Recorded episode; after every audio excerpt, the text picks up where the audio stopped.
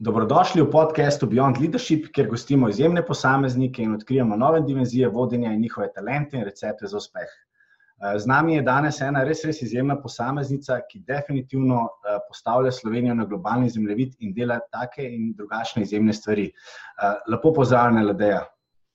Živijo, me zelo veseli in hvala za vabilo. Zdaj, preden greva midva na, na vprašanje, ker vem, da jih ima naše, naši poslušalci in tudi jaz ogromno, bi te jaz rad predstavil, tako da bomo vsi razumeli, kako, kako izjemna oseba ti dejansko si in kaj vse počneš. In moram reči, da ker sem, sem se poglobil, ker si že kar nekaj časa na, na, na mojem seznamu, da bi te rad imel kot gostjo, sem bil zelo, zelo navdušen. Tako da, dajmo se vzeti par minut, ker bi jaz res rad predstavil te v polni dimenziji.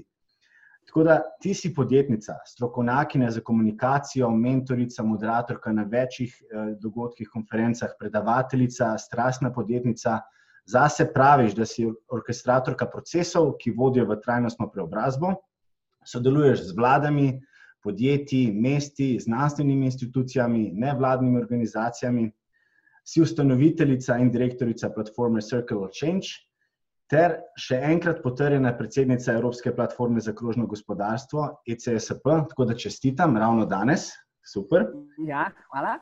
Leta 2018 je bila finalistka in to je res, res eh, izjemen dosežek eh, za nagrado The Circulars 2018 v kategoriji Circular Economy Leadership svetovnega gospodarstva, foruma, eh, gospodarskega foruma v, v Davosu, kar je izjemen dosežek.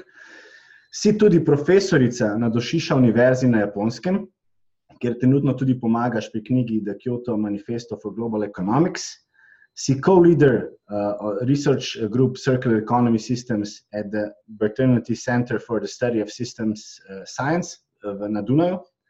Vsako uh, leto sodeluješ na več kot 40 različnih dogodkih, kar ne vem, kako ti uspe. Tako da verjamem, da letos si še na večjih dogodkih, ker si ja, online. Ja. Nastopila si kot govornica v več kot 30 državah in različnih konferencah, eh, takih in svetovnih dimenzij, od Japonske do Saudske Arabije. In pa eh, poleg tega si tudi v upravnem odboru sekcije žensk v Združenem menedžer in si velika zagovornica in tukaj ti moram res čestitati, uh, zagovornica, da mora biti uh, tako velik podarek na, na, na ženskih eh, vodih, kot tudi na moških, se pravi ta enakopravnost.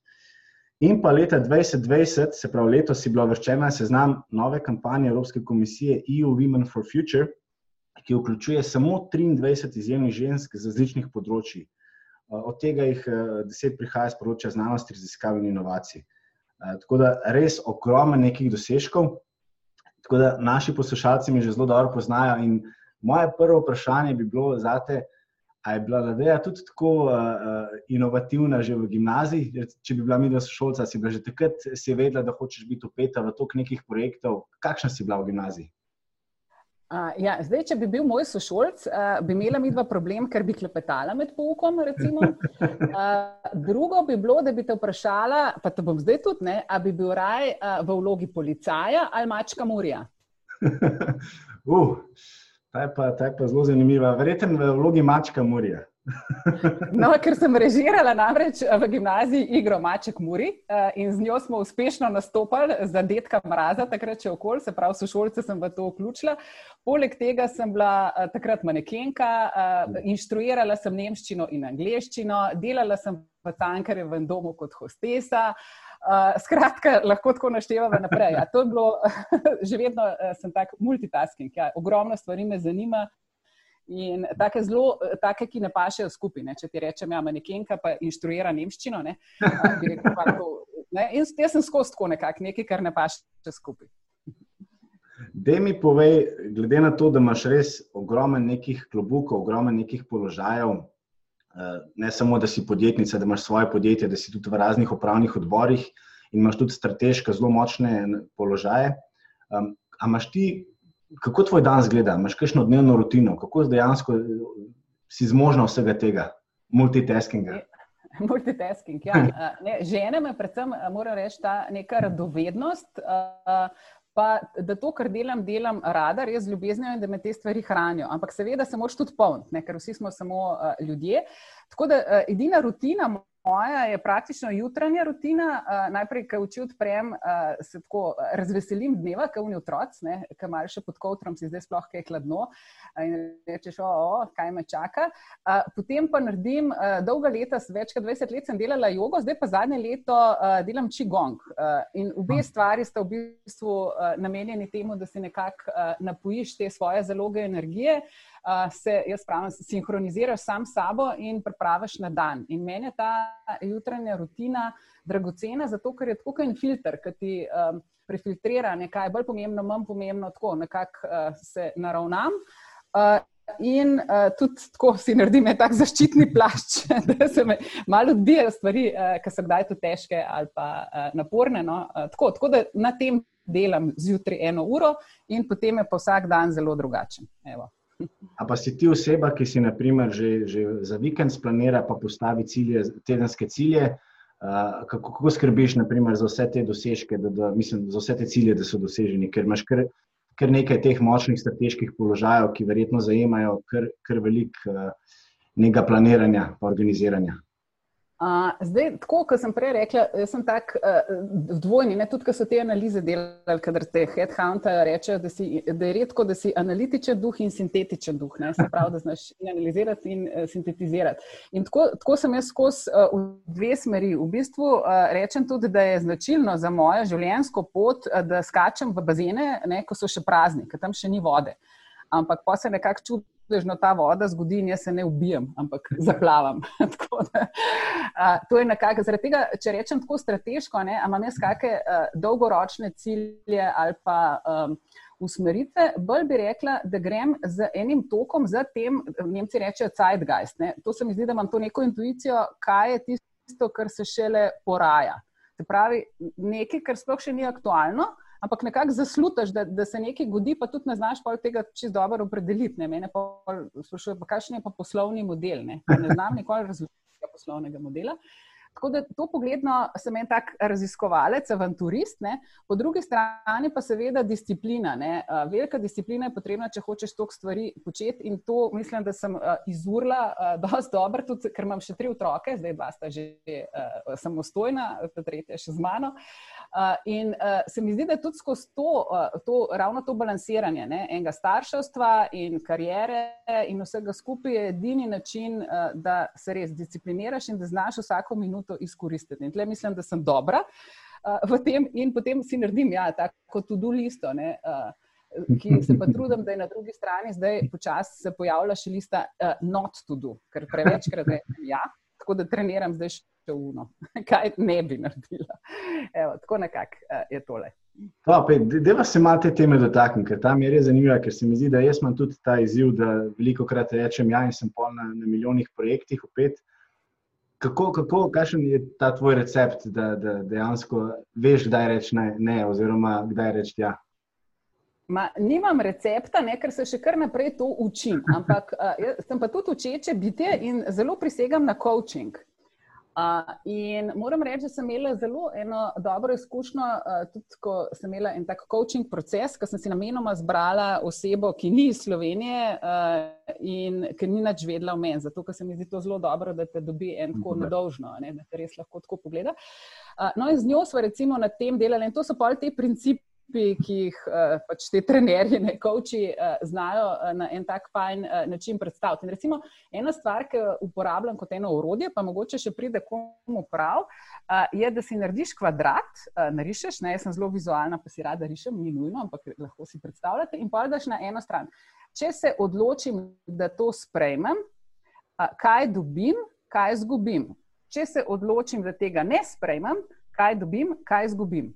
In no. potem, kar je vedno v življenju, da če nečemu rečeš ja, rečeš nečemu drugemu ne, ne? in ko se za nekaj odločiš, se za nekaj drugega ne.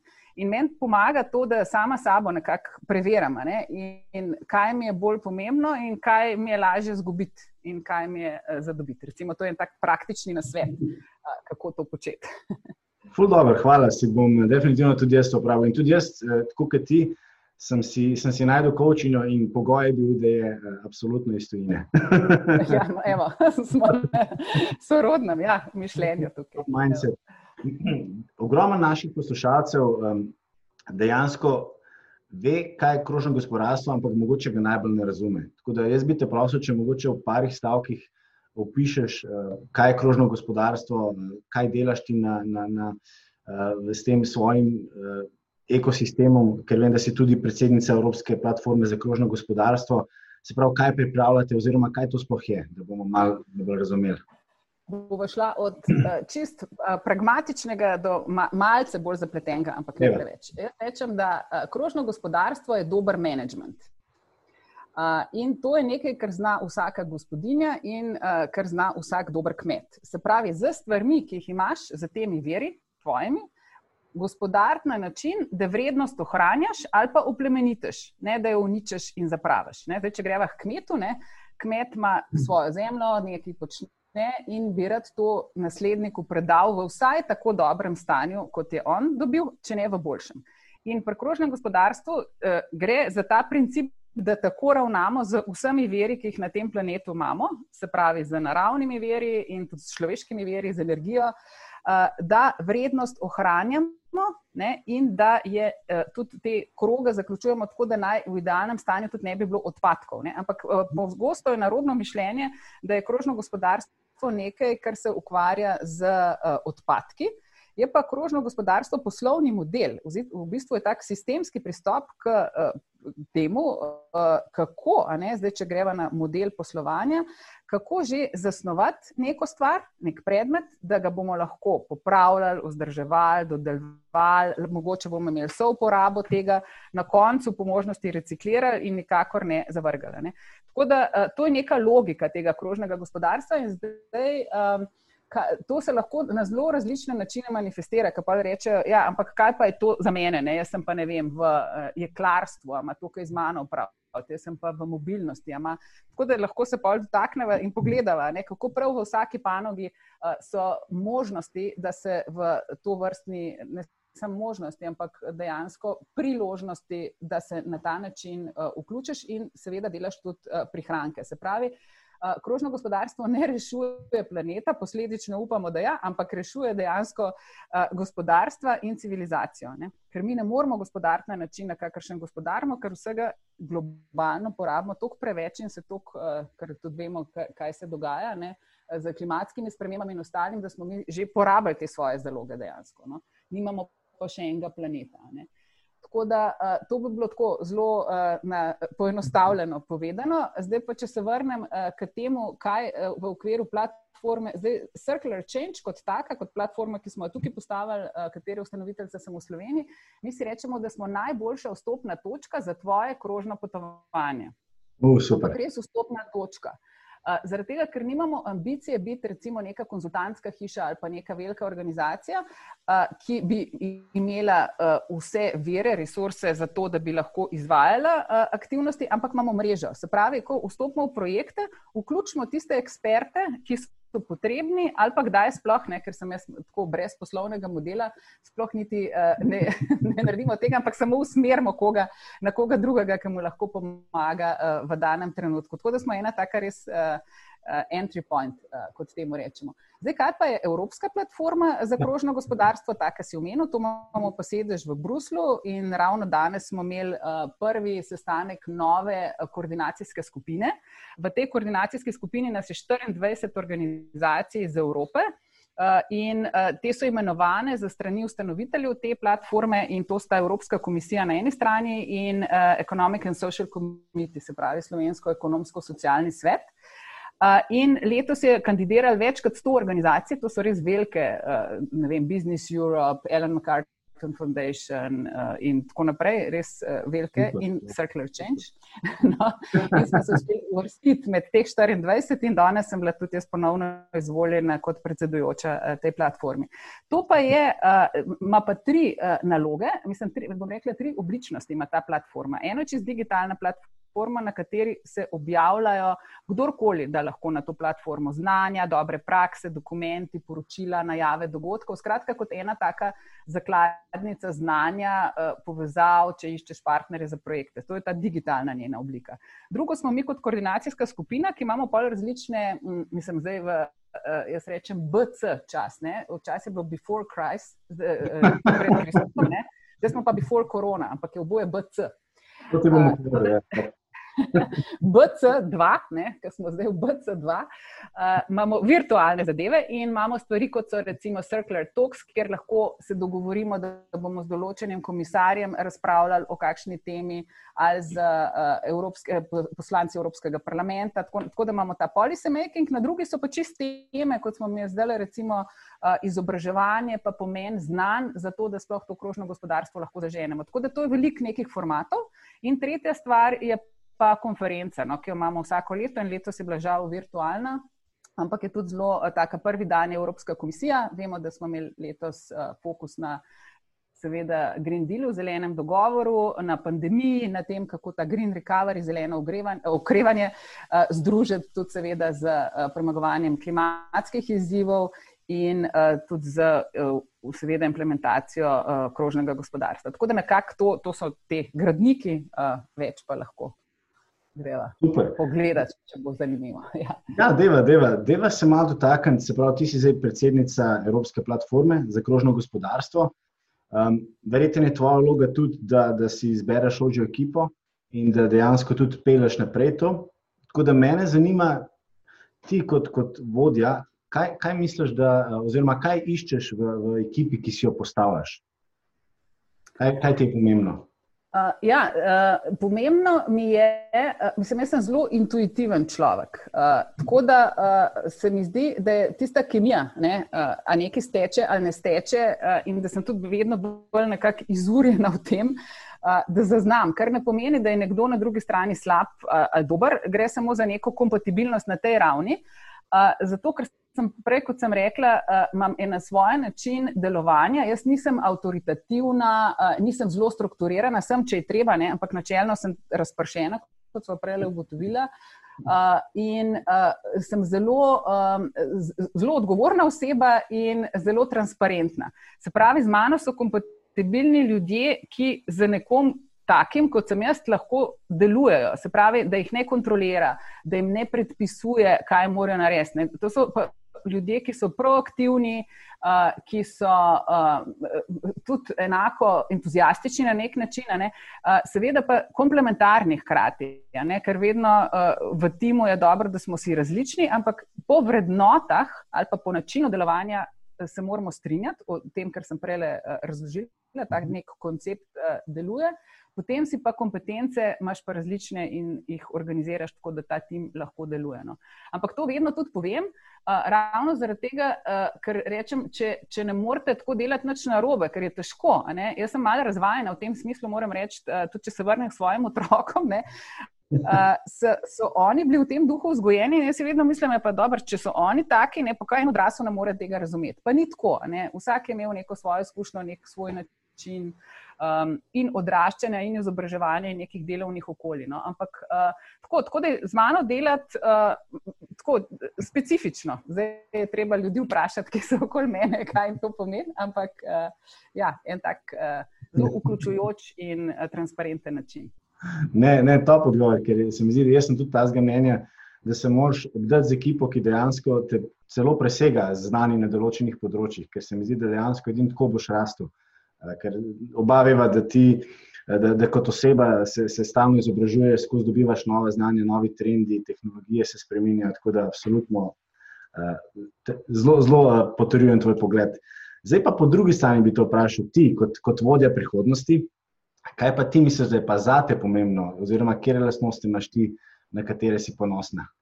Kaj bi rekla, da je za vodjo prihodnosti pomembno, da ima? Ja, zdaj, uh, tako kot sem rekla, ne, nobena lastnost ni sama po sebi samo dobra ali pa samo slaba, uh, ne, odvisno kako jo potem uporabimo. Tako da moja, uh, bom rekla, katere so te lastnosti, ki jih imam. uh, upam, da v dobro bodo delovali še naprej. No, prva je definitivno ta radovednost. Ne. Uh, tako, uh, kaj se dogaja? Tako, ne, glede na to, mene zanimajo ljudje, od čistilke na letališču do uh, predsednika države. Skratka, enako me zanimata dejansko oba, ne, kako ljudje uh, razmišljajo, delujejo, kaj jim nekaj pomeni. Uh, drugo, mislim, da imam zelo močno empatijo, uh, se pravi, to uživanje v tega drugega in um, s tem tudi uh, se kdaj kakšne poti lahko skrajšajo, ali pa se kaj hitreje zgodi, ker si bolj sposoben uh, prebrati. Uh, potem pa vsi mi, to mi pa priznavajo, vsi, da sem izrazito povezovalna. Uh, tako da uh, jaz najprej pogledam, ne, kako lahko nekaj povežem, da bomo imeli vsi skupaj več, ampak to lahko zdaj, tako, kar že malo prevzetno rečem, da je temu res tako, kot se mi je tokrat potrdilo in ta socialni kapital, ki sem ga v teh letih svojega delovanja zgradila, to potrjuje. In to se mi zdi uh, nekaj, kar. Uh, ker, ker imam rada pri sebi in ker imam rada tudi pri drugih. Zaradi tega, ker ko enkrat deluješ v tem globalnem svetu in vidiš, koliko stvari uh, je za narediti, uh, koliko enih izzivov je, koliko tudi enih nalog, ulog, ne moreš se počutiti ogrožen. Uh, in reči, da je ta pa meni konkurent, ali pa če bom pa tega povabil, pa jaz ne bom imel. Ne, ne. Vsak je edinstven, vsak od nas je en unikum in za vsakega od nas je en prostor tukaj. In enkrat, ko to zavest, veš, potem stvari veliko bolj stečejo. No? In v tem mislim, da se meni, če pogledam nazaj, tudi življenje odvija kot se mi, uh, mogoče predvsem tudi zaradi. Te lastnosti, ne? da nekako ravbarsko nastavljaš skozi, tudi meni od druge, ampak tudi jaz jo, uh, in pa vsi skupaj gremo naprej, ne pa da po glavu udaraš, ne? če mi je nekaj boljše, ali pa bolj svetlo, ali pa bolj simpatično. Kako se ti pa danes zdi v teh časih, ko smo dejansko se poslovno okolje transformiralo v virtualno okolje, ni več tega fizičnega kontakta, dejansko smo šli iz social distancinga v distant socializing, uh, taka lepa wordplay. Ja. Kako se ti pa zdaj zdi pomembno, da dejansko, um, da, ne vem, kako se je pri tebi zgodilo? Si imela potem še več sestankov, ste pretiravali sestanki, si imela več ena na ena pogovorov s svojimi ekipami ker se mi zdi, da je bila zelo pomembna ta komunikacija, sploh v teh časih. Ja, komunikacija je zelo pomembna. Zdaj jaz sem človek, eh, ne samo stikov, ampak tudi dotikov. Ne? Tisti, ki me poznajo, vejo, da sem vedno prej tekla, vsakmu pa vprašala, če ga lahko objamem, ker sem zagovornik sedem objemov na dan od žene zdravnika stran. Uh, in evo, zdaj, ko se ne objemamo, rabimo zdravnike, uh, malo heca. Uh, no, tako da za me je to v prvem valu, moram reči, še nekako se nekaj, ok, dobro, bomo zdaj tole malo uh, premustili. Zdaj pa za me to že kar problem uh, postaja, uh, zaradi tega, ker se čutim tudi osebno manj učinkovito. Uh, ker delo, ki ga imam, seveda, določene stvari lahko narediš nadaljavo in online, in tako, kot se mi dva zdaj pogovarjava. Uh, ampak predvsem te timske stvari, razni brainstormingi, um, ta strateška razmišljanja, ta pa recimo preko Zuma, pa tudi če imamo vsa urodja ali pa kjer je druge platforme, to ni enako. Ko imaš ti ljudi v prostoru in tle, recimo, je ena od mojih kompetenc, no, tudi uh, je ta facilitacija, orkestracija, ali kako koli, ali kuratorstvo. Uh, in tle je spet ta kemija. In ko imaš ti ljudi v prostoru, uh, lahko prebereš, da je pa introvert, ampak sigurno bi zdaj rad nekaj povedal, pa ga spodbudiš. Ja. Če ga imaš le pred zumom, on reveš, če pitam, ne pa sploh, če ga ne poznaš, odprej mu niti besede ne daš, ker je vedno, aha, imamo deset minut, imamo deset minut. Ne. Tako da um, jaz pogrešam uh, to uh, realno fizično življenje. Mislim pa, da je neka kombinacija obojega, pa ok, da smo pa kaj, kakšne stvari tudi pretiravali. Tudi v smislu, da sem ogromno potovala. Ne? Uh, sem bila na teh avionih um, čist preveč in moj oglični odtis uh, ni tak, da bi se hvalila z njim. In se mi zdi, da tlepa za kakšne sestanke ali pa nekaj, kar je bolj ena koordinacija, lahko naredimo to nadaljavo. Uh, dočim zato, ker sem rekla, za neko soustvarjanje pa rabimo, rabimo to bližino. In jaz upam, da bomo ta, to našo novo realnost soustvarjali v tej smeri, ne? da bomo razumeli, dokje je tehnologija v podporo, kje pa postane ona ena uvira cokla ali pa celo preprečuje razvoj določenih stvari. Absolutno. Kako pa ti gledaš na tehnologijo? Zdaj, jaz, jaz sem kar nekaj časa bil upet, oziroma sem še kot. kot Uh, stalno sem bil v, v inovacijah, v razvoju, v BTC-ju, pa tudi zdaj sem še naprej. In, in moram reči, da ta tehnologija je prinesla ogromno pozitivnih stvari, je pa tudi mogoče nekaj slabih, oziroma nekaj izzivov, ne? da smo v bistvu stalno upeti v svet. Ta naš najboljši prijatelj, mobitel, nas stalno opozarja, kako smo dosegljivi. Kako ti gledaš na to? A se znaš od, odklopiti? Ker vem, da danes imamo uh, ogromne težave s tem, da dejansko rečemo, zdaj pa konc, zdaj sem pa zaključil svoj delovni dan, pa se bom malo umiril. Ja, uh, jaz sem en tak um, dinozaver, ne se moji mladostniki, uh, ki so z mano, da, še, uh, da tako uporabljam mobilne telefone, ki so v starih časih ljudje uporabljali delin za televizijo, ki ne znaš tako prav s prsti narediti, kako smisliš, da moš nekaj malo drugače. Tako da uh, nisem nek uh, močan uporabnik in odvisnik uh, teh novih tehnologij. In predvsem, uh, predvsem se mi zdi, da marsikaj od tega, kar nam prinašajo, povsem po uh, uporabniku neprijazno.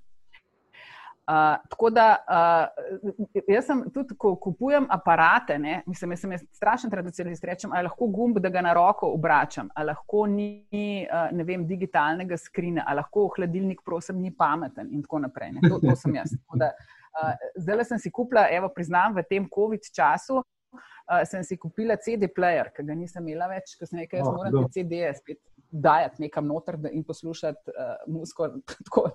To sem jaz in tehnologija. No.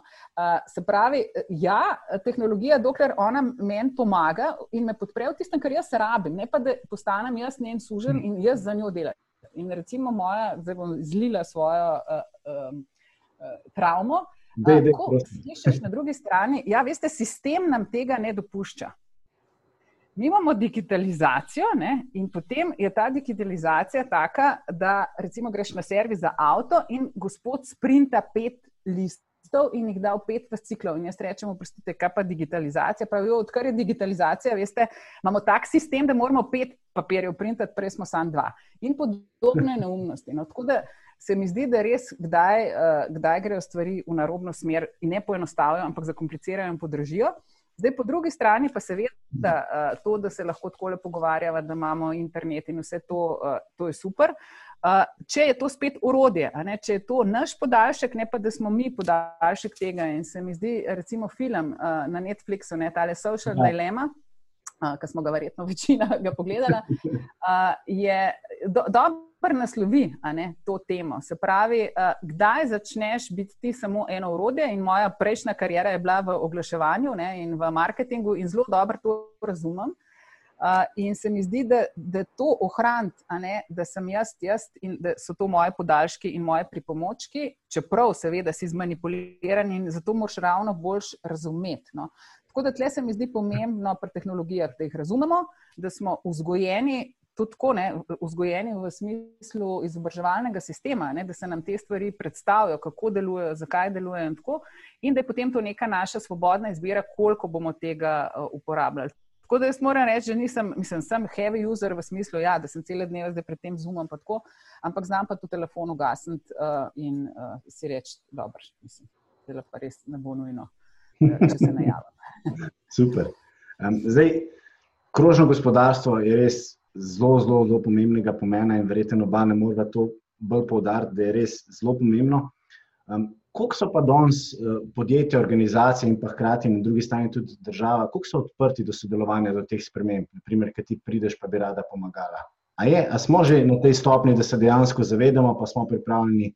Uh, ja, uh, zdaj lahko dava eno paralelo Slovenije, ne, ker uh, ko smo začeli z Circular Change, smo uh, seveda kot ustanovljeni v Sloveniji začeli tudi delovati v Sloveniji in takrat uh, šest let nazaj informirati o tem, kaj sploh je krožno gospodarstvo Tako, tako da tisti, recimo, nek, bi rekla, prvi val uh, je bil tak, da uh, so bili tako neverni Tomaži, kaj ima pa zdaj to za upraviti uh, z nami, uh, kaj, kaj pa zdaj govorite. No, in je bil potem ena taka prebojna točka, ko smo organizirali prvo Circular Change konferenco. Uh, to organiziramo vsako leto, letos je bila peta, peta je bila digitalna, prejšnje so bile zelo uh, fizične in smo dosegli tudi vsakeč 500 ljudi, govornike iz 30 držav. Tako res, tudi World Economic Forum nas je dal na seznam enih, na, enega najbolj odmevnih dogodkov na področju krožnega gospodarstva v Evropi. No, in na tej prvi konferenci, recimo, ker sem za sodelovanje vedno in se moram zahvaliti tudi tukaj Ajši Vodnik z MČM, smo se povezali in smo rekli, lahko uh, imamo uh, to v sodelovanju z MČM, zaradi tega, ker v MČM so pa ljudje, ki so odločevalci. In če bodo oni prisluhnili temu in rekli, da to pa ima smisel, potem bomo en korak naprej. Ne? Potem ne bojo več govorili, da je to samo za nevladne organizacije in za smetarje ne? uh, in komunalce, uh, ampak uh, se bo tema premaknila. Tako da, recimo, uh, to je bilo začetno stanje, če rečem, šest let nazaj v Sloveniji. In od takrat, a, potem smo naredili v Sloveniji tudi kaže pot prehoda v krožno gospodarstvo, ki je bil en mhm. zelo pomemben mejnik, ker smo bili a, med, en, prvih, med prvimi državami, no, da tako rečem. Uh, in je bilo to tudi zelo odmevno, in smo na konferenci predstavili spet ne, v smislu sodelovanja druge kaže pote iz drugih držav, kako je Finska to naredila, Nizozemska, mm, uh, potem smo imeli, uh, koga smo imeli še takrat, Francijo. Uh, tako da smo imeli recimo to diskusijo. No, in od leta 2017, ko se je to zgodilo, pa do danes, uh, če pogledamo, je pa po mojem uh, mnenju Slovenija zaostala. Na, tem, na sistemski ravni, se pravi na povezovanju, to, kar se ti omenil, da je zelo pomembno, ne na eni strani vladnih inštitucij, na drugi strani raziskovalnih, univerzitetnih in pa gospodarstva. Te, tega sodelovanja je, po mojem subjektivnem mnenju, seveda premalo, mhm. se pa veliko dogaja na področju gospodarstva. In številna podjetja uh, se odločajo za uh, spreminjanje ali pa prilagajanje poslovnega modela v tej smeri, zaradi tega, ker tako ohranjajo konkurenčnost. In tle se lahko pol vdakneva konkretnih primerov, ampak to bi rekla, da je neko stanje, kot ga jaz vidim v Sloveniji. Za razliko od drugih držav, ki pa uh, imajo mogoče, mislim, ne mogoče, ki pa imajo neko kontinuiteto in bolj jasno. Uh, vizijo, pa tudi uh, razumevanje, zakaj je to za konkurenčnost države pomembno no, predvsem nizozemska, če jo spostavim tukaj, je naredila v teh istih letih neverjeten preskok, ne, ampak oni imajo v svojem DNK-ju uh, razumevanje tega, kaj je trg, kaj je priložnost, kaj je, uh, kaj je pozicioniranje. Super, hvala. Deva res se malo dotakniti, ki, ki me res zanima in verjamem, da naše poslušalce tudi. Se pravi, kako izgleda en primer, oziroma kaj ti narediš, ko prideš v podjetje, kako, kako sploh izgleda ta postopek, proces? Ja, zdaj, uh, jaz tako bom rekla, uh, primarno ne, uh, je moja vloga, recimo, ko pridem v podjetje ali pa v eno drugo organizacijo, predvsem uh, mapiranje tega, aha, kaj pa sploh maste in kako od tukaj naprej se lahko podate na to krožno transformacijo. Zdaj bom dala en konkreten primer, ker taki so najbolj fajn. Uh, ko smo delali z uh, pivovarno uh, Laško Union, uh, Heineken uh, skupino uh, lansko leto. Recimo, uh, smo imeli projekt, uh, ki je se začel zato, ker je Heineken kot uh, globalno podjetje ima v svojem jedru poslovanja cilje trajnostnega razvoja, tako imenovane SDG-je. To so tistih znanih 17 ciljev, kot je ohranjanje vode, enakopravnost, brez lakote in tako naprej. In oni imajo to kot jedro poslovne uh, svoje strategije, ki je vezano na KPI-je. Se pravi, karkoli delajo v podjetju, ne, ko rečemo, aha, kako poteka proizvodnja, ok, koliko smo naredili prihrankov v prevodi, koliko imamo zelene energije, uh, koliko imamo lokalno uh, pridelanega hmelja in tako naprej. Se pravi, to je vsak dan se to sprašujejo. Ne. Eh, pri nas je bil pa običaj, da to sodi v, potem v um, letno poročilo, ampak ne v uh, osnovno letno poročilo, ampak sustainability reporting, se pravi, tisti dodatek, ne trajnostno poročilo. Ja. In tam se je ponovadi pol napisali, da ja, donirali smo za vrtce, prebarvali smo ograjo in po, um, posadili tri drevesa. Ne. No, in uh, pri, uh, pri um, pivovarni Laško unijo smo potem pogledali, ne, kako zdaj to neko novo kulturo, nek nov mindset v resnici in pa seveda tudi eh, čisto strateško podprte zadeve, sinhronizirati z poslovno kulturo in načinom delovanja in cilji, ki jih ima slovensko podjetje. In potem smo iskali tudi uh, spet oprijemališča, na katere so tiste teme, okoli katerih lahko se v Sloveniji začne uh, recimo nek, nek preboj delati ali pa se tudi pozicionirati, čeprav je velika globalna družba Heineken, ne, kot nekdo, uh, ki pa ima neko dobro prakso, ki pa že nekaj počne. Ne. In ko začneš potem rudart, malo brklet, najdeš, da je kar velik stvari, ki jih samo mogoče nisi znal besedati ali pa prav opredeliti, pa, že, pa so že dejansko del krožnega gospodarstva in nekih uh, dobrih praks. Ne. Tako da to je nekakšna vloga. Potem pa pridemo do določenih ekspertiz, naprimer, če pridemo do področja plastike, ne, kako, uh, kje najti reciklate, kakšne, kakšna je kakovost, kdo kaj, kje dela. Tukaj imaš pa že potem druge eksperte. Ne. Tako da jaz sem vedno pravim tista, ki sem v helikopterju, ker narediš en helikopter view in potem pa veš, ne, kje so pa zdaj specialci uh, za naprej. Da, ampak um, moram reči, da manj delam uh, z, jaz osebno s podjetji in več delam z vladami, mislim, z vladami kot naročniki. In z, potem z vključevanjem vseh deležnikov, kjer so seveda tudi podjetja, ampak tudi mesta, tudi nevladne organizacije, mednarodne inštitucije, ker delam zdaj zadnja tri leta na teh kaži potih prehoda za krožno gospodarstvo. Trenutno sodelujem z ekipo v Čilu, v Latinski Ameriki, v, z Srbijo, z njimi smo naredili že kaži pot, zdaj se pogovarjamo tudi s Črnogoro in pa zelo veliko tudi z nordijskimi državami, predvsem z Norveško. No, v zadnjem letu smo tudi veliko na tem področju naredili. Tako da tam so pa, je pa spet, pravim, sem jaz spet v tem helikopterju in gledam deležnike in jih potem nekako sestavljam do enega konsenza, kako neko to strategijo postaviti. Super, noro. Zdaj, ki te poslušam, oziroma tudi gledam, vidim, da ker kipi iz tebe ta energija, pa ta strast. Da, eno, eno ključno vprašanje, in sicer res, res me zelo zanima, kdaj se je pojavil v, v, v tvojem življenju ta aha moment, ker tako kot pravijo američani, ki si rekla, jaz pa hočem biti v, v tej panogi, jaz pa mislim, da je to neko više poslanstvo in v tem uživam. Ja, to je bil res aha moment. In tukaj moram omeniti Jana Zapotočnika, našega nekdanjega evropskega komisarja, zdaj predsedujočega IRP-ju in pa partnerja v družbi Systemik.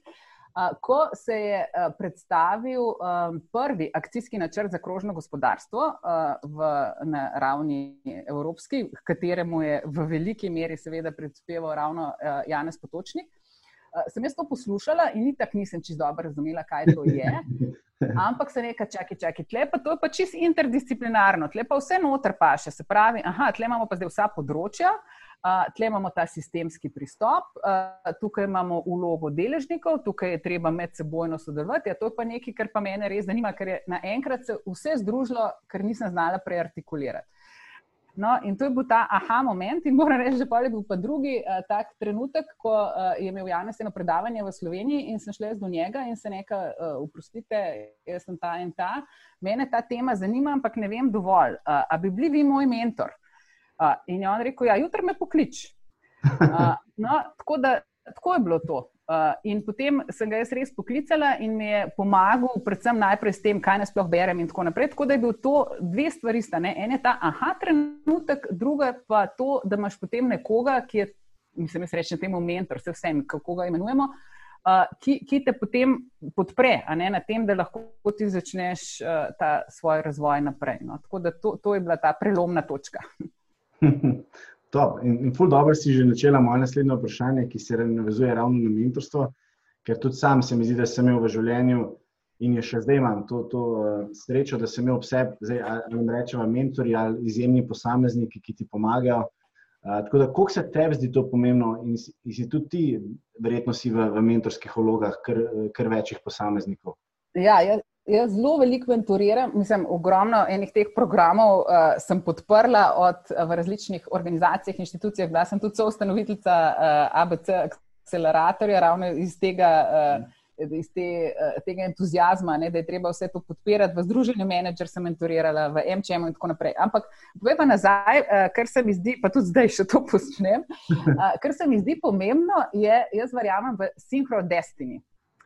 Uh, to je sinhronicity pa destiny temi združen. Uh, se pravi, da uh, ko, ko si ti naravnan, to, kar si me prej vprašal, ne, ta, aha, uh, ko, ko sam začneš to čutiti, neko brbotanje, da te mhm. nekaj kliče. Jaz verjamem, da pritegneš v svoje življenje pravega človeka ali pa pravo temo ali pa nekaj, kar ti obrne to kolo sreče. Uh, in jaz, če tako nazaj, to včasih boljš vidiš, seveda, kaj nazaj pogledaš, ne kot med tem, kar se ti dogaja. Zato, da je med tem, ko se ti dogaja, niti ne razumeš, da je to prava stvar za naslednjo tvojo stopnico. Ne? In uh, meni tako nazaj, ker, ker, uh, ko si mi ti rekel, da se bova pogovarjala, ne, sem uh, bila zelo hvaležna za vsa vprašanja, ker sem rekla, to je pa super priložnost za retrospekcijo, da se jaz sploh vprašam ali pogledam nazaj, ne, kaj, kje pa so imeni to obračali.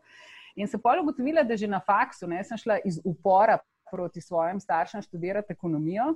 Uh, ker pač en je bil uh, predavatelj na, uh, na AGRFT-ju, in kot sem rekla, sem veselo režirala in uh, take stvari počela v svojem gimnazijskem času, in mati na FDV, se pravi, boje, kar me je zanimalo, ne? in neko režiranje in komuniciranje sta moja starša že pokrivala, tako da to ni bila opcija.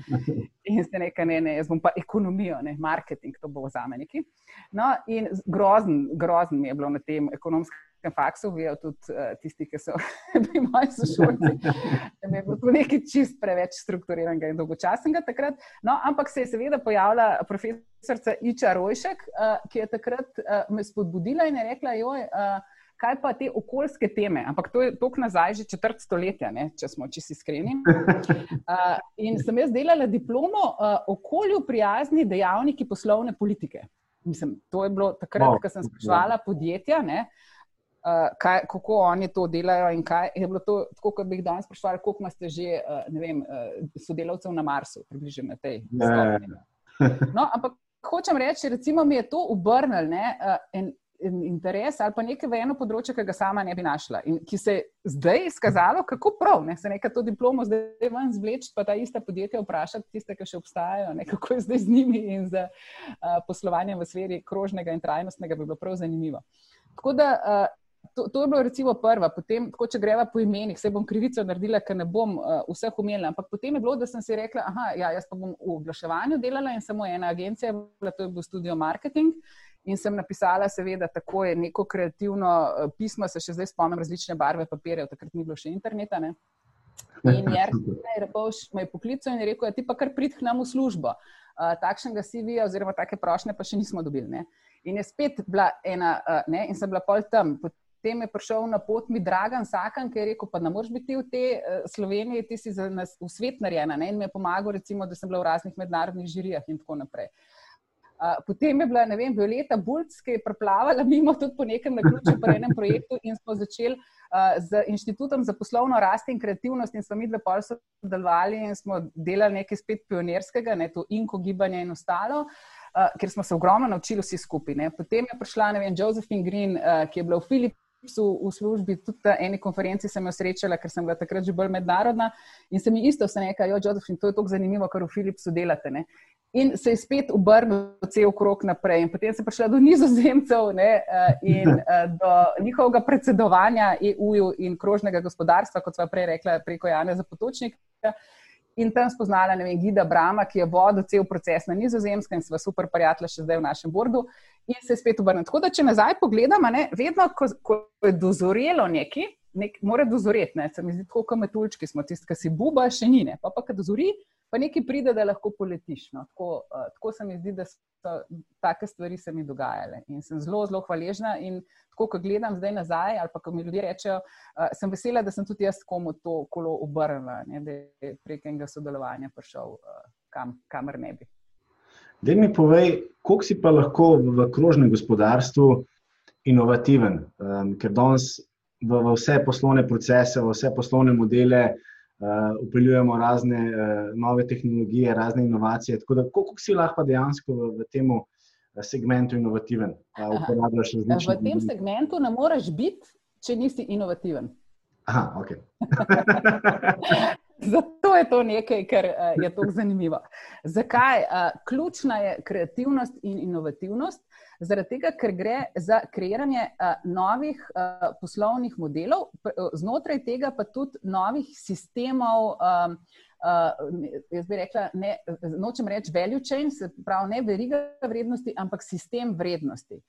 Uh, in to vsaka, vsak ta poslovni model, to zelo fino uh, ponazori ali pa opiše vedno Giulio Bonaci, CEO podjetja Aquafil. Uh, ko pove, kako je on stopil s svojim podjetjem, z njimi tudi sodelujemo, no, um, na to pot uh, preobražanja uh, akofila v smeri izdelovanja 100% recikliranega najlona. Ne, rekel, če bi jaz na začetku vedel, kaj me bo čakalo, jaz na to pot sploh ne bi šel, ker je to čista norost. Ne. Čeprav se je potem, zdaj pravi, ne, izkazalo, da je bilo, uh, mislim, da se je splačalo in da je bilo prav, ampak če bi vedel, kaj vse me čaka, se ne bi upostopil. Zato pravim, da, je, da tle ni še predpisanih receptov. In vsak, mhm. vsako, um, ta, vsak ta korak je povezan z, uh, če že ne z inoviranjem, ne, pa vsaj mhm. z uh, neko invencijo oziroma z veliko mero kreativnosti. Tako da, uh, absolutno.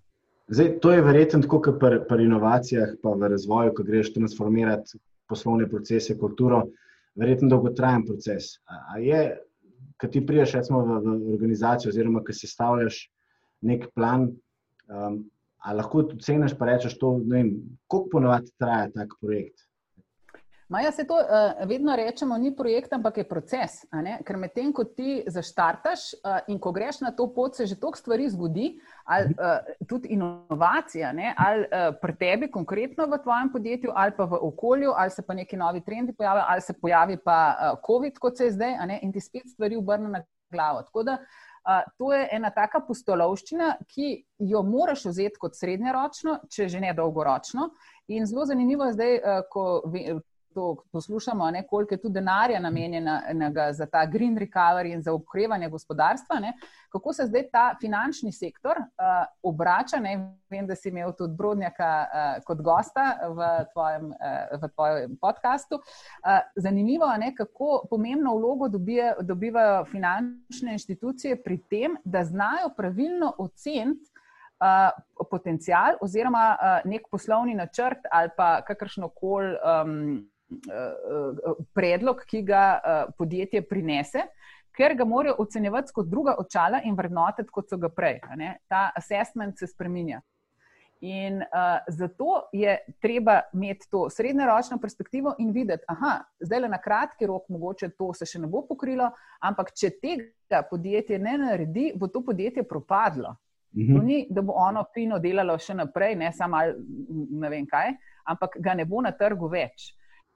Zdaj, če ponazoriva, e, ne vem, najbolj slovenci smo na te avtomobile, ne, pa uh, avtomobilska industrija, mobilnost. Uh, koliko je zdaj govora ne, o Nemčiji, o tem njihovem pretransformiranju uh, avtomobilistične industrije? Uh, kako se cel ta segment mobilnosti spremenja, koliko je govora o baterijah. Recimo, to je v Evropi zdaj ena hot tema, ne? Tudi v okviru krožnega gospodarstva, kako baterije, iz katerih materijalov, zakaj še potem uporabiti, kako te redke kovine, ki so v njih, zadržati in tako naprej. Ne? Tako da, če to pogledava, vidva, da to ni nič, kar je zelo kratkoročno, je srednje ali dolgoročno, ampak neizbežno. In zato zdaj kapital podpira uh, krožne trajnostne rešitve, ker sicer uh, bo tudi ta kapital izgubil vrednost. Odličen odgovor, hvala. in tudi, eh, kot si rekla, in Blaža, in Violeto že, sem že imel na podcastu, podcastu in oba res izjemna. In tudi njih dva sem vprašal naslednje vprašanje. Um, zdaj, tebe, ko gledamo, vidimo ogromno nekih dosežkov, si predsednica Evropske platforme za krožno gospodarstvo, si v večjih upravnih odborih, zdaj si tudi postala EU Women for Future, kar je res izjemen, izjemen dosežek, pa še ogromno nekih dosežkov. Um, ne vidimo pa teh izzivov, ki si jih imela, da si prišla v to pot. Da, če nam malo pišeš, kaj, kaj so bile te, te izzivi, eh, ker kot sem se z Blažem in Veleto pogovarjal je bilo to ogromno nekih ur dela, je bilo to ogromno neprespanih noči, ker na koncu pa vsi vidimo samo, da je predsednica, je v upravnem odboru združene menedžerje, je v upravnem odboru tam, dela to pa to, ne vidimo pa teh, eh, te poti, ki je bila potrebna, da si tja prišla. Uh, ja, vedno je tako, ko se nekaj. Um, smo tako narejeni ljudje, ne, da vidimo, jaz pa sploh, ker sem tak eh, bolj sončen in svetu značaj, ne, to pravim, da mi je eh, vesolje podarilo in genetika, da nimam jaz tako zelo zaslug, ker mi vsi reče, kako se lahko ti vedno smejiš, ne, a je tebi skozi tako fajn. Ne. Uh, tako da, če pogledam uh, na to svojo pot, uh, pa bom zdaj tako podelila recimo eno tako bolj osebno izkušnjo, ampak se mi zdi to dragoceno, da tudi te stvari delimo. Uh, ja, uh, že uh, od, od kje se mi zdi, da sem se začela uh, kaliti v tej smeri, ne, da, sem, da, da sem, kjer sem. Uh, jaz sem bila uh, spočeta z veliko ljubezni uh, strani mojih staršev, Karpata in Mance, ampak oba sta bila zelo mlada in zelo uh, nepripravljena uh, na imeti otroke. In uh, zanosila je moja mati, kljub temu, da je jedla kontracepcijske tablete. Uh, in so se hecali, da ta otrok bo prišel pa ven z tableto v roki. Ne? Tako da očitno je bilo že to, kako, kako sem prišla. No, ampak pa sta se ta moja dva ljuba starša ločila uh, in nikoli uh, nikol skregala, imamo še zdaj vsi super odnose. Ampak v tistem času, recimo, to je bila prva moja taka izkušnja, da kot otrok si bil soočen, takrat se res niso ločvali. To je nazaj uh, več kot 40 let. uh, in sem se jaz morala uh, nekako. Um, morala. Mislim, to je bil moj obrambni mehanizem, da sem jaz rekla, o, to je pa tako fajn, če so starši ločeni, pa imaš pa enega tako, pa drugega drugače. Skratka, nekaj negativnega sem obrnila v pozitivno. Uh, potem so se začele, uh, oče imel več partnerk, mama imela mnogo partnerjev, od otroci so se rojevali, jaz imam po očetovi strani, nas je pet, pol bratov in sester, po mamini dve, skratka, Woody Allen film. Ne? In spet nekaj nekonvencionalnega. In spet sem morala uh, se tukaj znotraj znajti ne, z vsemi temi novimi člani. Mi smo imeli ta nova leta in praznovanje, ko smo se vsi zbrali, ker nisi vedel, kdo je oče, od koga mama, mislim, in vse ostalo. Uh, tako, tako da v tem Woody Allen filmu se mi zdi, da sem se razvila v to, uh, da uh, ker, ker ni samo dobra lastnost, kot se reče, vsaka lastnost ima plus in minuse. Ta empatija se mi je zelo razvila, drugo pa zanesi se nase. Uh, in vse ti sama vse zmoriš, ne? ker na dele se res ni za zanašati, ne? nikoli ne veš, kaj, kaj bojo ušpiče. Uh, starejši. Tako, tako da recimo to, to, so, to so neke take stvari, ki te zaznamujejo vsak, kaj ne, se ni nobena drama. To, ampak hočem reči, da m, mm, od tukaj recimo mi je bilo uh, to, da sem se naučila uh, stvari, ki niso konvencionalne ali pa niso najbolj družbeno sprejemljive, obračati v nekaj, uh, kar sem znala uh, v nek plus obrniti. No. Tako, tako da to je neka popotnica, ki sem imela. Potem so bile pa uh, različne situacije, ne, uh, čez katere sem šla. Zdaj, če se vrnem na faks, recimo, ker sem bila svoje glave, ne, kot sem rekla, ta ekonomija takrat mi je bila grozna.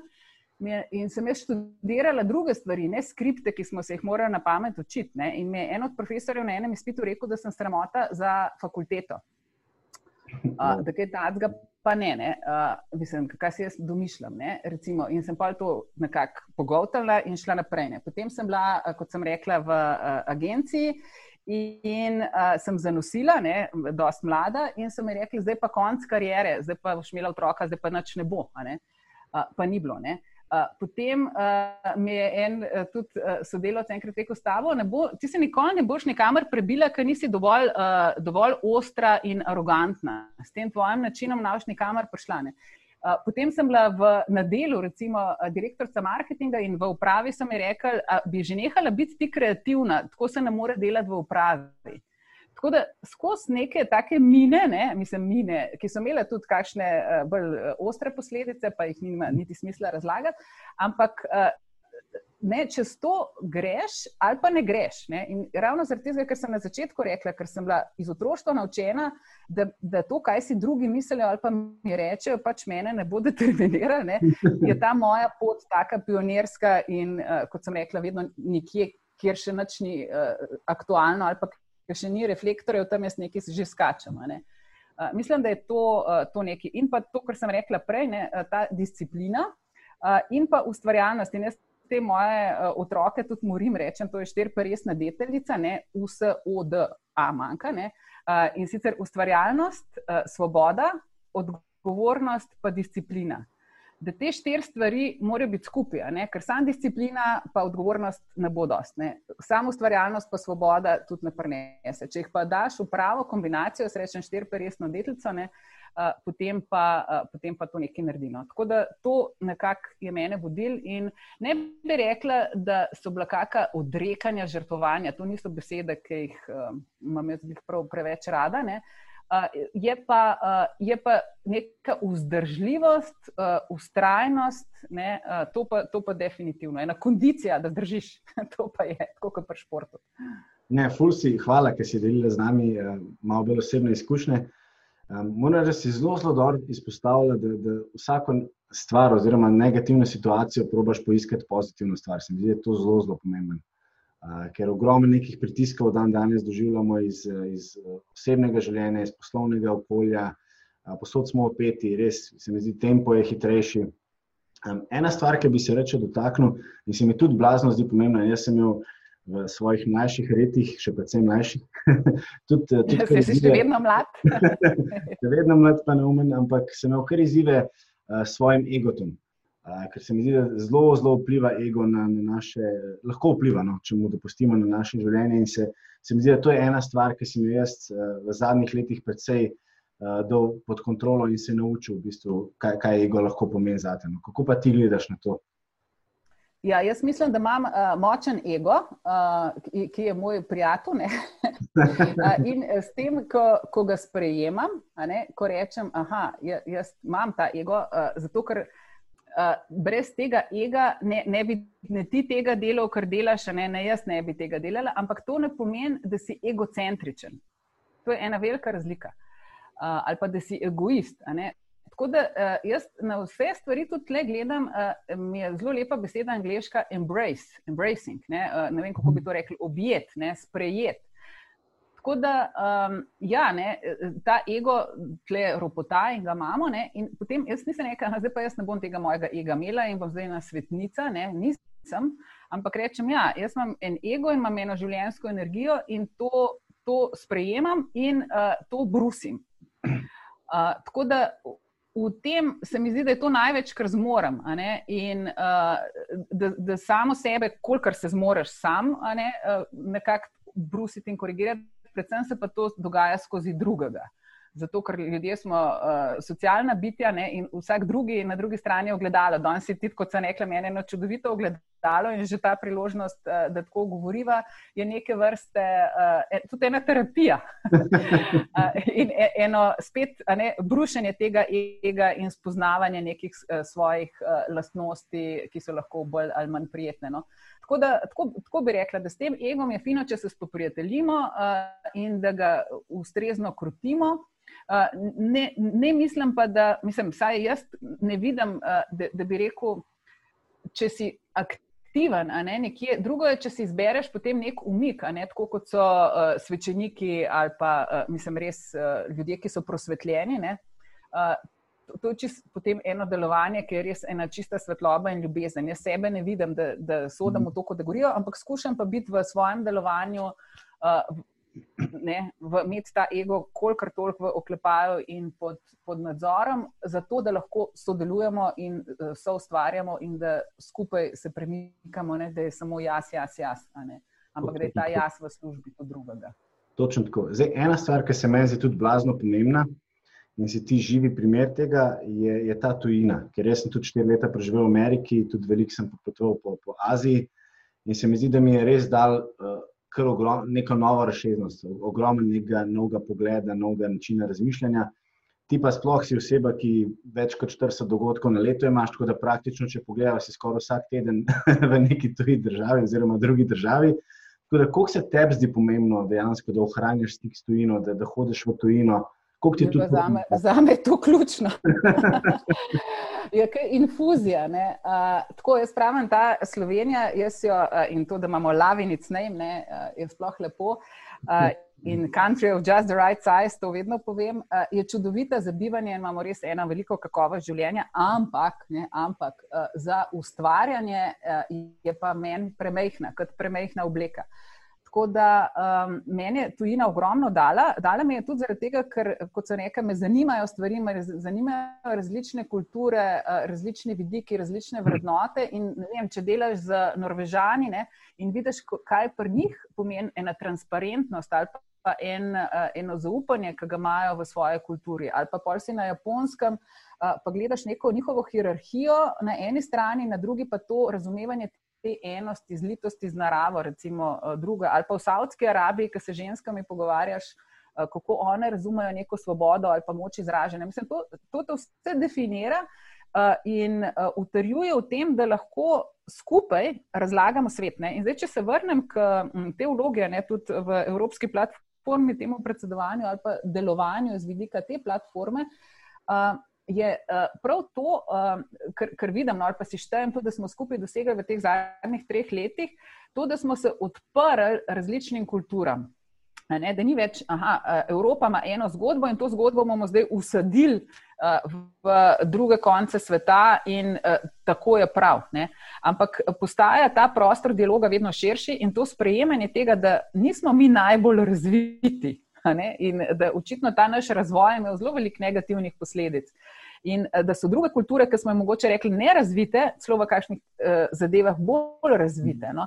In to se mi zdi, da je tudi neka pota, ne? tudi uh, Violeta ima zdaj ta uh, lep koncept uh, Bulčeva, ne? ekocivilizacije, neke družbe prihodnosti, tudi ekonomije prihodnosti, da, v, da je to možno realizirati zgolj z upoštevanjem te raznolikosti uh, in spoštovanjem različnih kultur in uglaševanjem nekim uh, teh naših skupnih vrednot.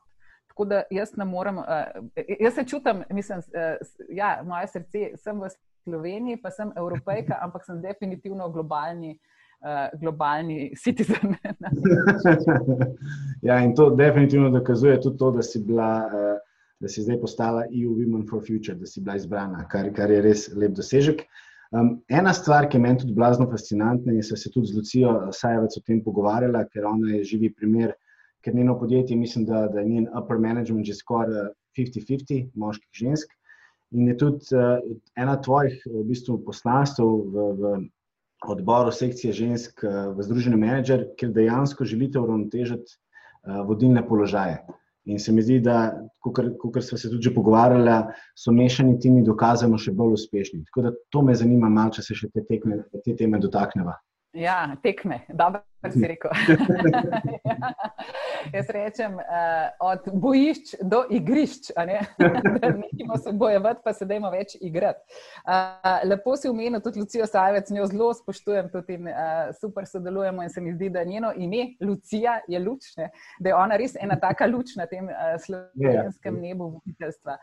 Uh, čudovita. Uh, no, ampak uh, v sekciji, um, ja, uh, znotraj Združenja Manager, uh, ki predstavlja predseduje Melanie Sajer Larsen, od katere se lahko tudi zelo veliko naučimo. Uh, ona je pa uh, iz uh, partnerka v BCG-u. Uh, je uh, ravno to, uh, da se pogovar pogovarjamo in, um, in seveda tudi na, naprej to prezentiramo, uh, kak, zakaj je ta uravnoteženost, ne samo v spolu, ampak nasplošno, uravnoteženost tudi v smislu, zdaj vse bolj aktualno vprašanje medgeneracijska. Mlajši, starejši, ženske, moški, uh, vem, uh, tako spolno usmerjeni, drugače spolno usmerjeni, uh, takšnega uh, veroizpovedi, drugačne veroizpovedi. Skratka, ta raznolikost, uh, ne samo v smislu spola, ampak v vsej njeni uh, obsežnosti in razsežnosti, je ključna in je res pomembna. Uh, če, hočemo, uh, če hočemo te preboje tudi delati, in kot smo se že danes večkrat dotaknili, na tudi te inovativnosti, mhm. enako z enakim ne more roditi novega.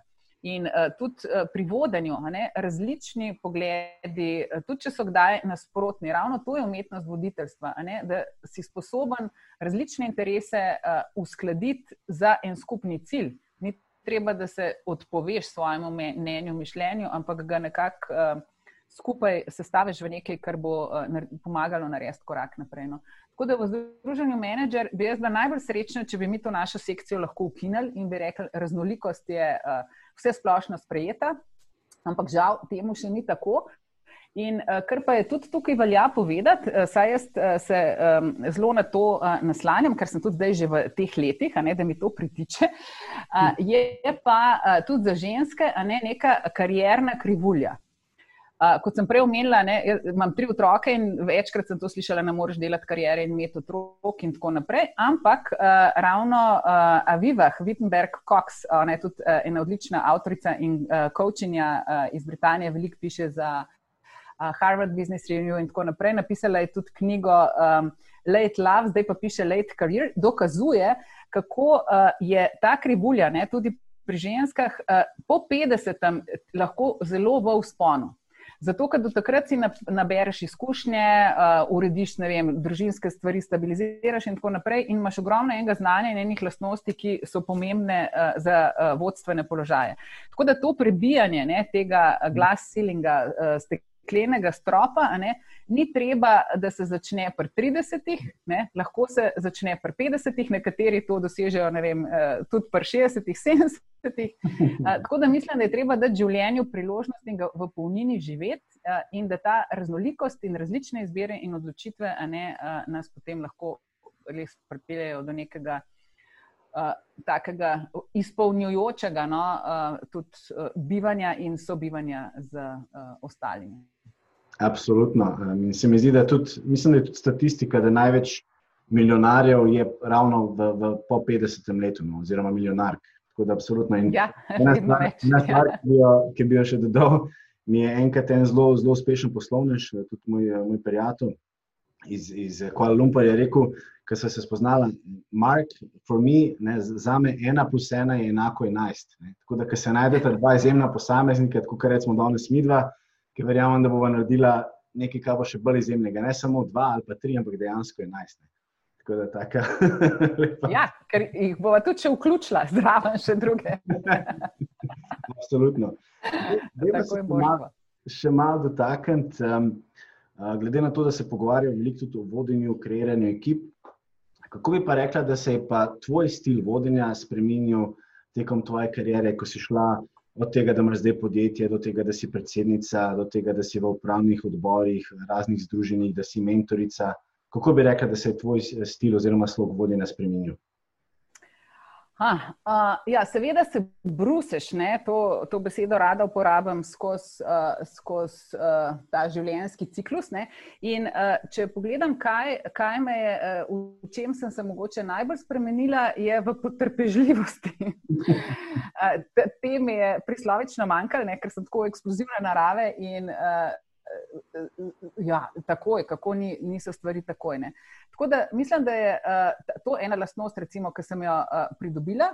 Drugač pa um, različna okolja, uh, ne bom rekla, ne, zahtevajo različne pristope, ampak um, recimo v, eh, tem, v moji te kreativni karieri ne, sem imela res opravka, ko smo se prej dotikala ega, ne, eh, močnih egov eh, v smislu, da ustvarjalci ne, so prislovično, pa smo, ne, kot sem omenila. Uh, imaš to neko potrebo po izražanju. In in recimo, takrat je bil moj, eh, v tistem okolju moj stil vodenja zelo tudi uh, hraniti te egotripe, ker si vedel, da več hrane, ki mu boš dal, bolj bo, uh, bolj bo uh, deloval.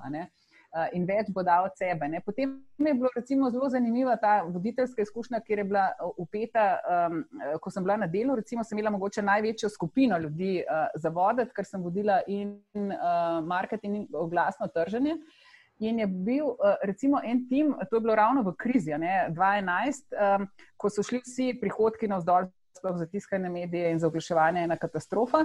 In so bili ljudje zelo deprimirani. Recimo, to mi je bila takrat zelo uh, dragocena izkušnja. Da sem iskala, te, kako, uh, how to light the fire, ne? kako mhm. pržgati ogenček v ljudeh, ki so bili v službi že po 30 let in več, in so rekli, da to pa ne gre več nikamor, mi ne bomo več mogli narediti, prodati nobenega oglasnega prostora. Ne?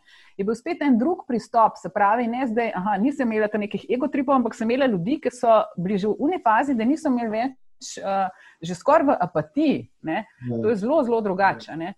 Se pravi, pri njih je bil spet uh, en drug pristop. Ne? Tako da zato, uh, ali pa zdaj, recimo, ko sem pa v Bruslu, ne, uh, v, te, v tem Babilonu, ne, uh, pa jaz vedno uporabljam, predtem karkoli začnem, uh, rečem, I'm not politically correct, ne? zato ker jaz nisem politik ne? in tudi nimam funkcije uh, politika, jaz imam samo funkcijo predsedujoče tej platformi, ki predstavlja vse deležnike, se pravi, uh, uh, zastopa neko uh, bottom-up uh, sceno. Uh, ampak uh, se potem tam učim, zdaj, ker mart med vso to hierarhijo, med vso to, vsemi temi pravilniki, med vsemi temi uh, spet nekimi birokratskimi aparati, skratka, spet nekaj čist drugega. Ne? Tako da v vsakem okolju se mi zdi, da, uh, da nekaj drugega pride do izraza. Uh, je pa vedno, ne, se pol pogledam nazaj, eh, v bistvu sem pa še vedno na ravni gimnazije, ko sem režirala Mačka Murja.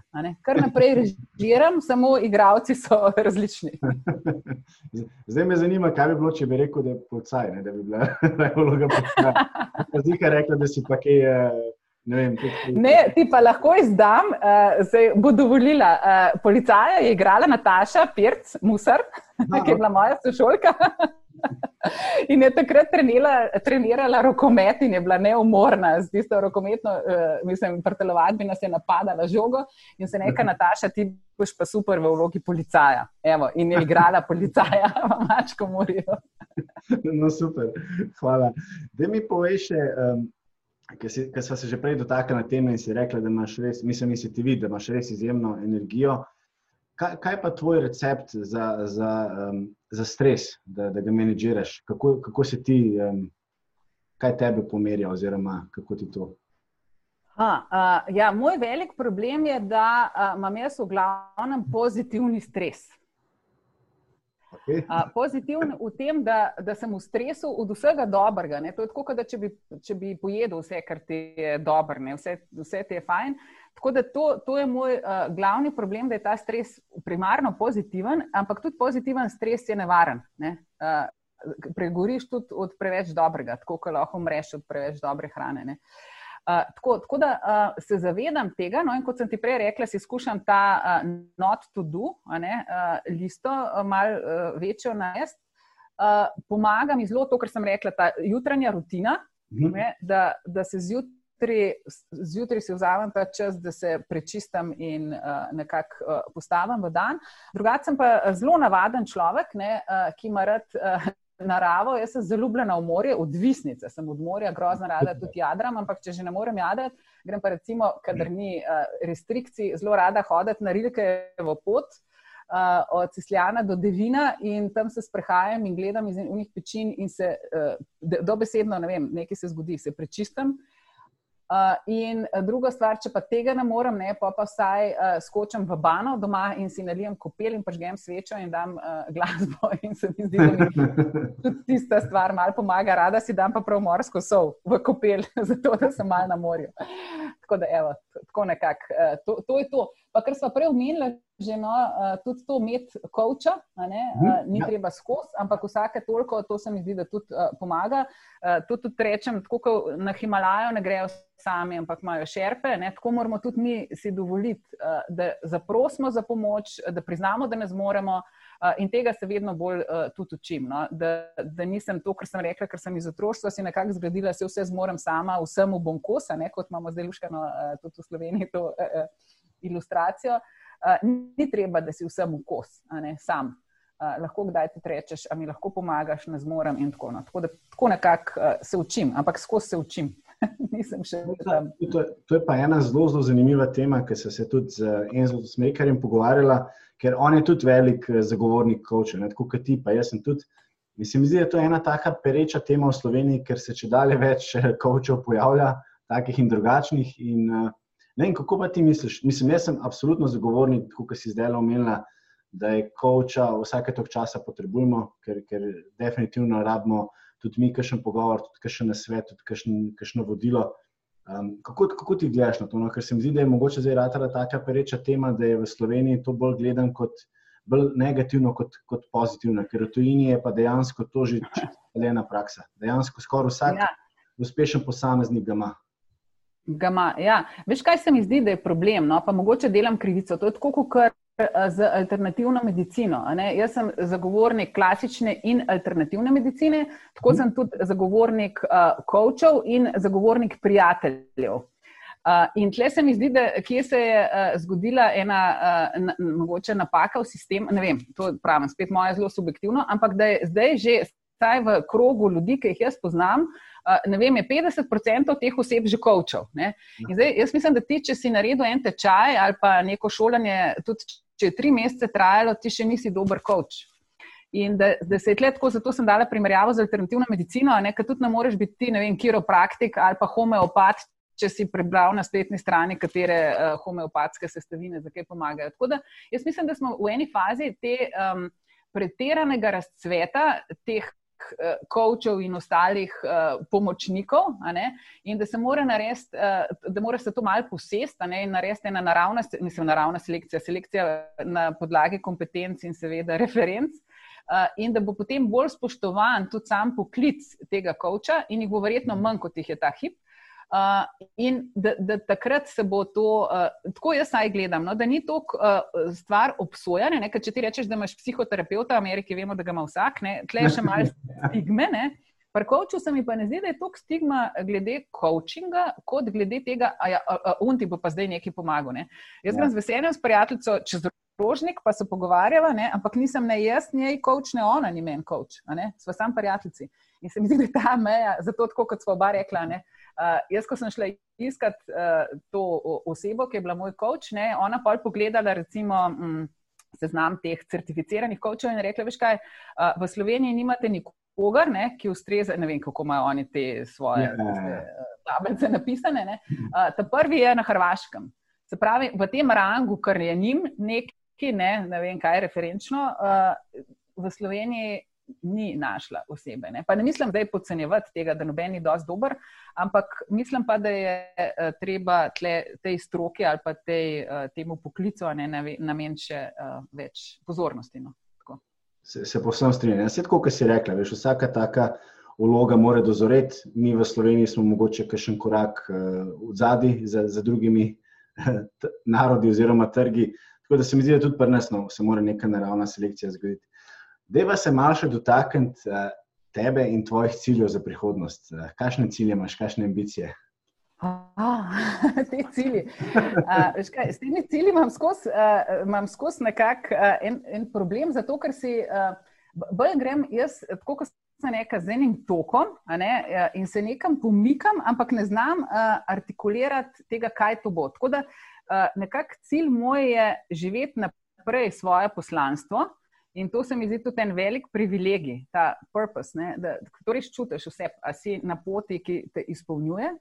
Uh, še naprej odkrivati, uh, v čem sem res najboljša. Ker delam tudi veliko stvari, kjer nisem najboljša, ampak kako tisto, kar znam najbolje uporabiti uh, za dobrobit čim širše družbe. To se mi zdi, da je nekaj, kar tako z leti uh, se izkristalizira in bi rada tisto, kar, kar je pač moja ključna kompetenca, res delila z, uh, z ljudmi. Uh, Um, pa pa ne bi rekla, da je cilj, ampak bolj to na tej poti, kako ne, da bi ohranila to radoživost in radovednost in neko tudi uh, fleksibilnost telesa in duha, oboje. Uh, hkrati pa eno ponižnost do življenja ne, in to hvaležnost. To, to se mi zdi, da če sem s tem upremljena, da potem uh, mi življenje daje tisto, kar je pravo za me. Ne. ne mislim v pasivnem smislu, da si na kavču pa rečeš, da bo vse prišlo do tebe, ampak da v tej hoji svoje, ne, na tej svoji poti s to upremo in s tem odprtim srcem in nekim, neko pretočnostjo. Uh, dovoliš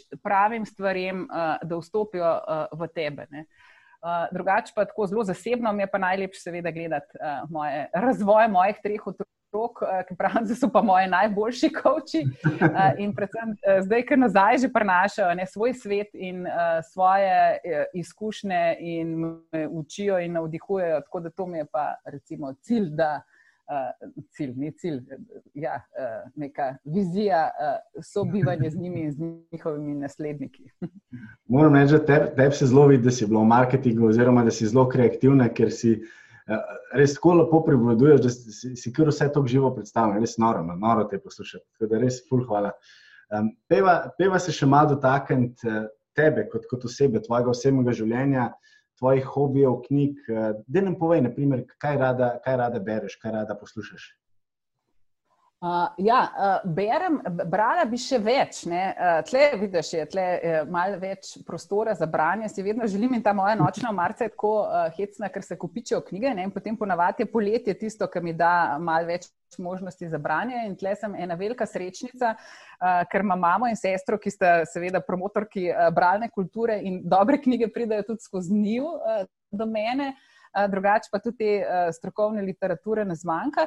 Tako da rada imam en tak podpori branja, ne? ene zadeve. Mm, Ki so strokovne, ene stvari, ki so lahko rečemo podporne v tem smislu nekega osebnostnega razvoja, in pa tudi in poezijo in poslovje. Tako da, če bi zdaj rekla, ne, trenutno sem prebrala ravno knjigo Ubuntu, ki govori o tej afriški vrednoti, ključni grajenje skupnosti. Eh, to mi je ravno mati dala v branje in sem ji bila zelo hvaležna, ker v tem času te pandemije in vsega se mi zdi, da če uspemo ohraniti to skupnost, ne, in tudi, ker so se prej pogovarjala v tem timskem delu ali pa v nekem vodenju, ne, znati ljudi, ohraniti motivirane in uh, tudi v težkih situacijah jih podpreti. No, tako da mi je ta knjiga recimo zdaj uh, zelo ljuba.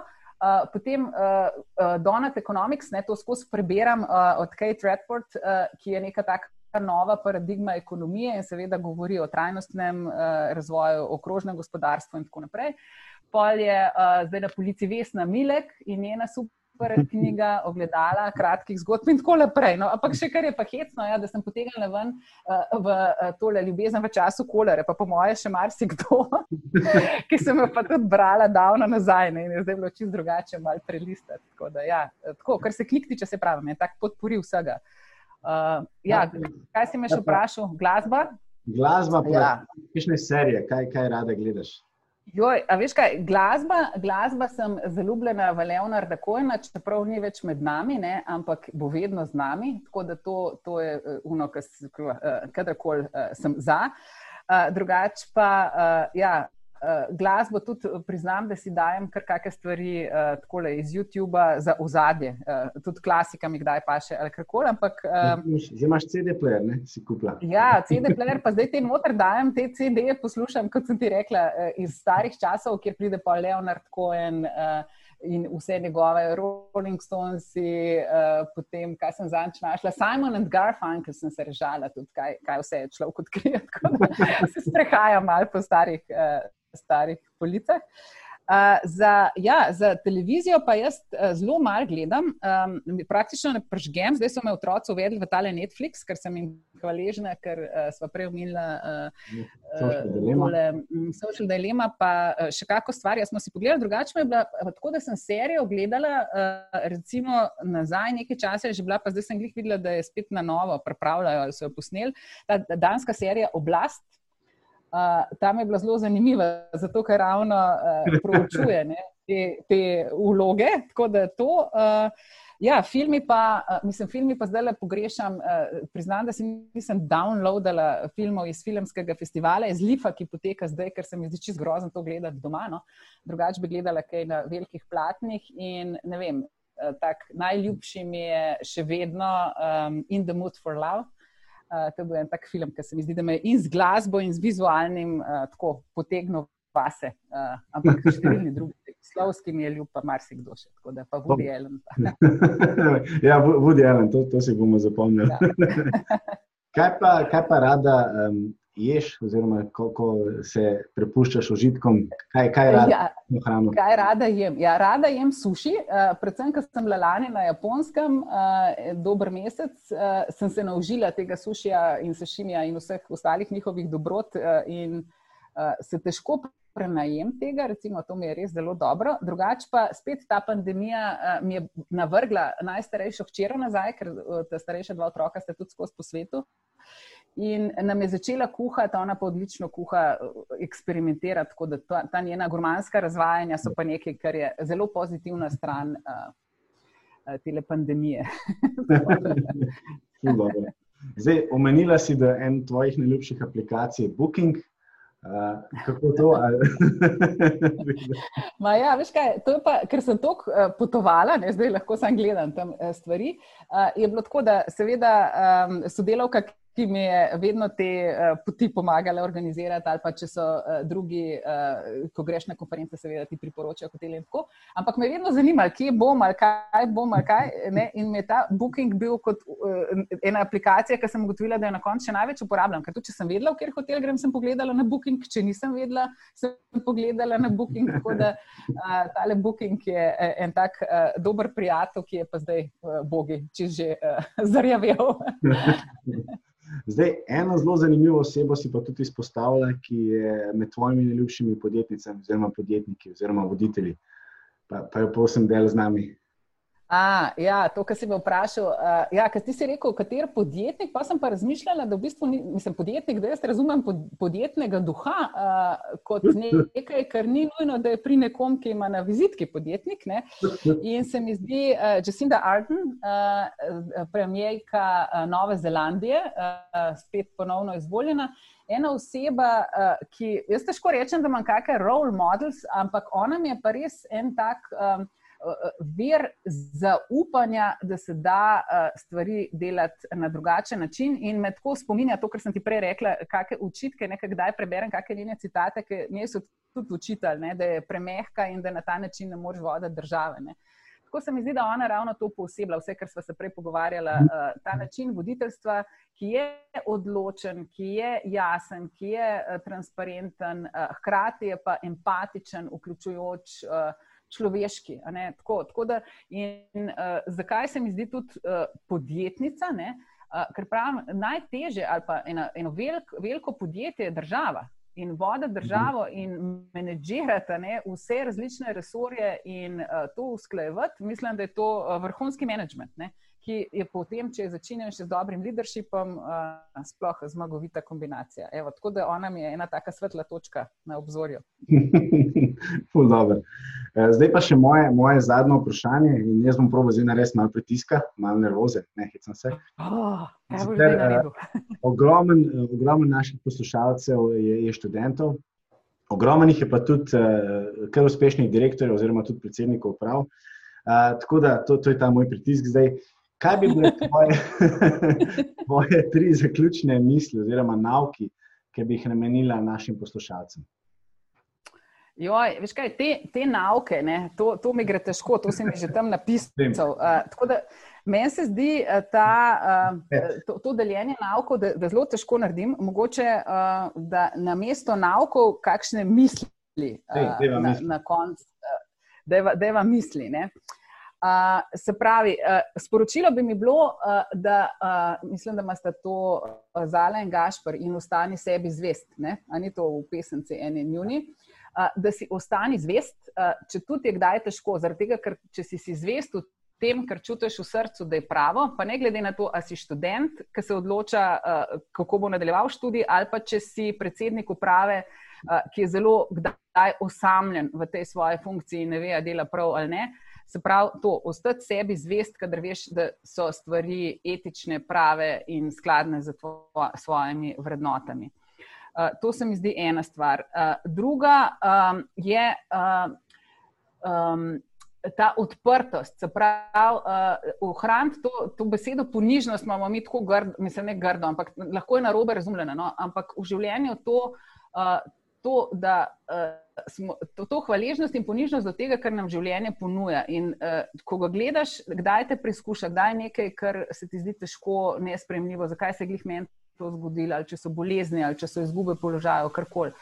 Uh, se mi zdi ohraniti uh, ta pogled ne, na to, da hvala življenju, da smo tukaj, da lahko doživljamo to, kar doživljamo, da bo potem lažje to sprejmemo in predelamo in vidimo, kaj nam je to potem novega, dobrega odprlo. In tle je ta, uh, kar rečejo, ne, ko se ena vrata zaprejo, se druga odprejo, ta, to se mi zdi zelo pomembno uh, v to tudi zaupati. Um, in uh, kaj bi bila še tretja? Tretja misel, uh, ja, življenje je smrtno nevarno. Ne? In, uh, vsi smo na tem uh, vrteljaku, in zdaj smo malo pozabili, zdaj bom tako malo uh, mogoče v uh, tako smer zapeljala. Ampak ravno zdaj v tej pandemiji ne, se zdi, kot da smo nesmrtni. Vsi smo smrtni. Uh, in nekje se ta pot konča. In zato uh, mislim, da je to, da v življenju rečeš uh, stvarem ja, uh, in poskusiš in preizkusiš, da to na koncu uh, ne, tega ne obžaluješ, dočim, če si zelo uh, tak, uh, prestrašen in ne rečeš življenju, ja, uh, je potem na tisti zadnji postaji. Pogled, joj, zakaj pa tega nisem, zakaj pa, uh, kaj bi pa bilo, če bi. Tako da, dajte si upati, uh, dajte reči, ja, tudi če padamo, uh, se popraskamo uh, in ustanemo in uh, se naučimo in smo močnejši za naprej. Dobro, hvala. Zdaj, eh, kot podjetnica, strokovnjakinja za komunikacijo, mentorica, moderatorka, predavateljica in pa strastna eh, inovatorka in pa pionirka na področju krožnega gospodarstva, eh, kar je definitivno prihodnost. Jaz bi se ti še enkrat zahvalil v imenu skupine Beyond Leadership, ker tvoje nasveti, pogledi, tvoje razmišljanje, mislim, da nam bo res dalo ogromno dodane vrednosti. Jaz sem zelo vesel in počaščen, da si se odzvala po vabilu, no, ker mislim, da danes ena glavnih stvari je povezovanje, je širjenje znanja, um, deljenje raznih uh, pogledov na svetu. In danes smo dobili še tvoj pogled, še tvoje znanje, tako da res najlepša, najlepša hvala. Ja, hvala tudi tebi. In tvoji ekipi, ki je s tabo, uh, jaz želim še veliko takih navdihujočih pogovorov. In uh, to, kar delate, je sestavljanje enih zelo pomembnih kamenčkov v mozaiku. Kako imaš ti za glavo, zdaj tisto barvno uh, sliko, mislim, da je uh, prav to, kar počnete, ne, ta pisanost in ta uh, razcvet vsega, uh, tisto, kar zelo, zelo rabimo v časih, ko se nam zdi, da je vse samo sivo. Tako da hvala. Super, najlepša hvala.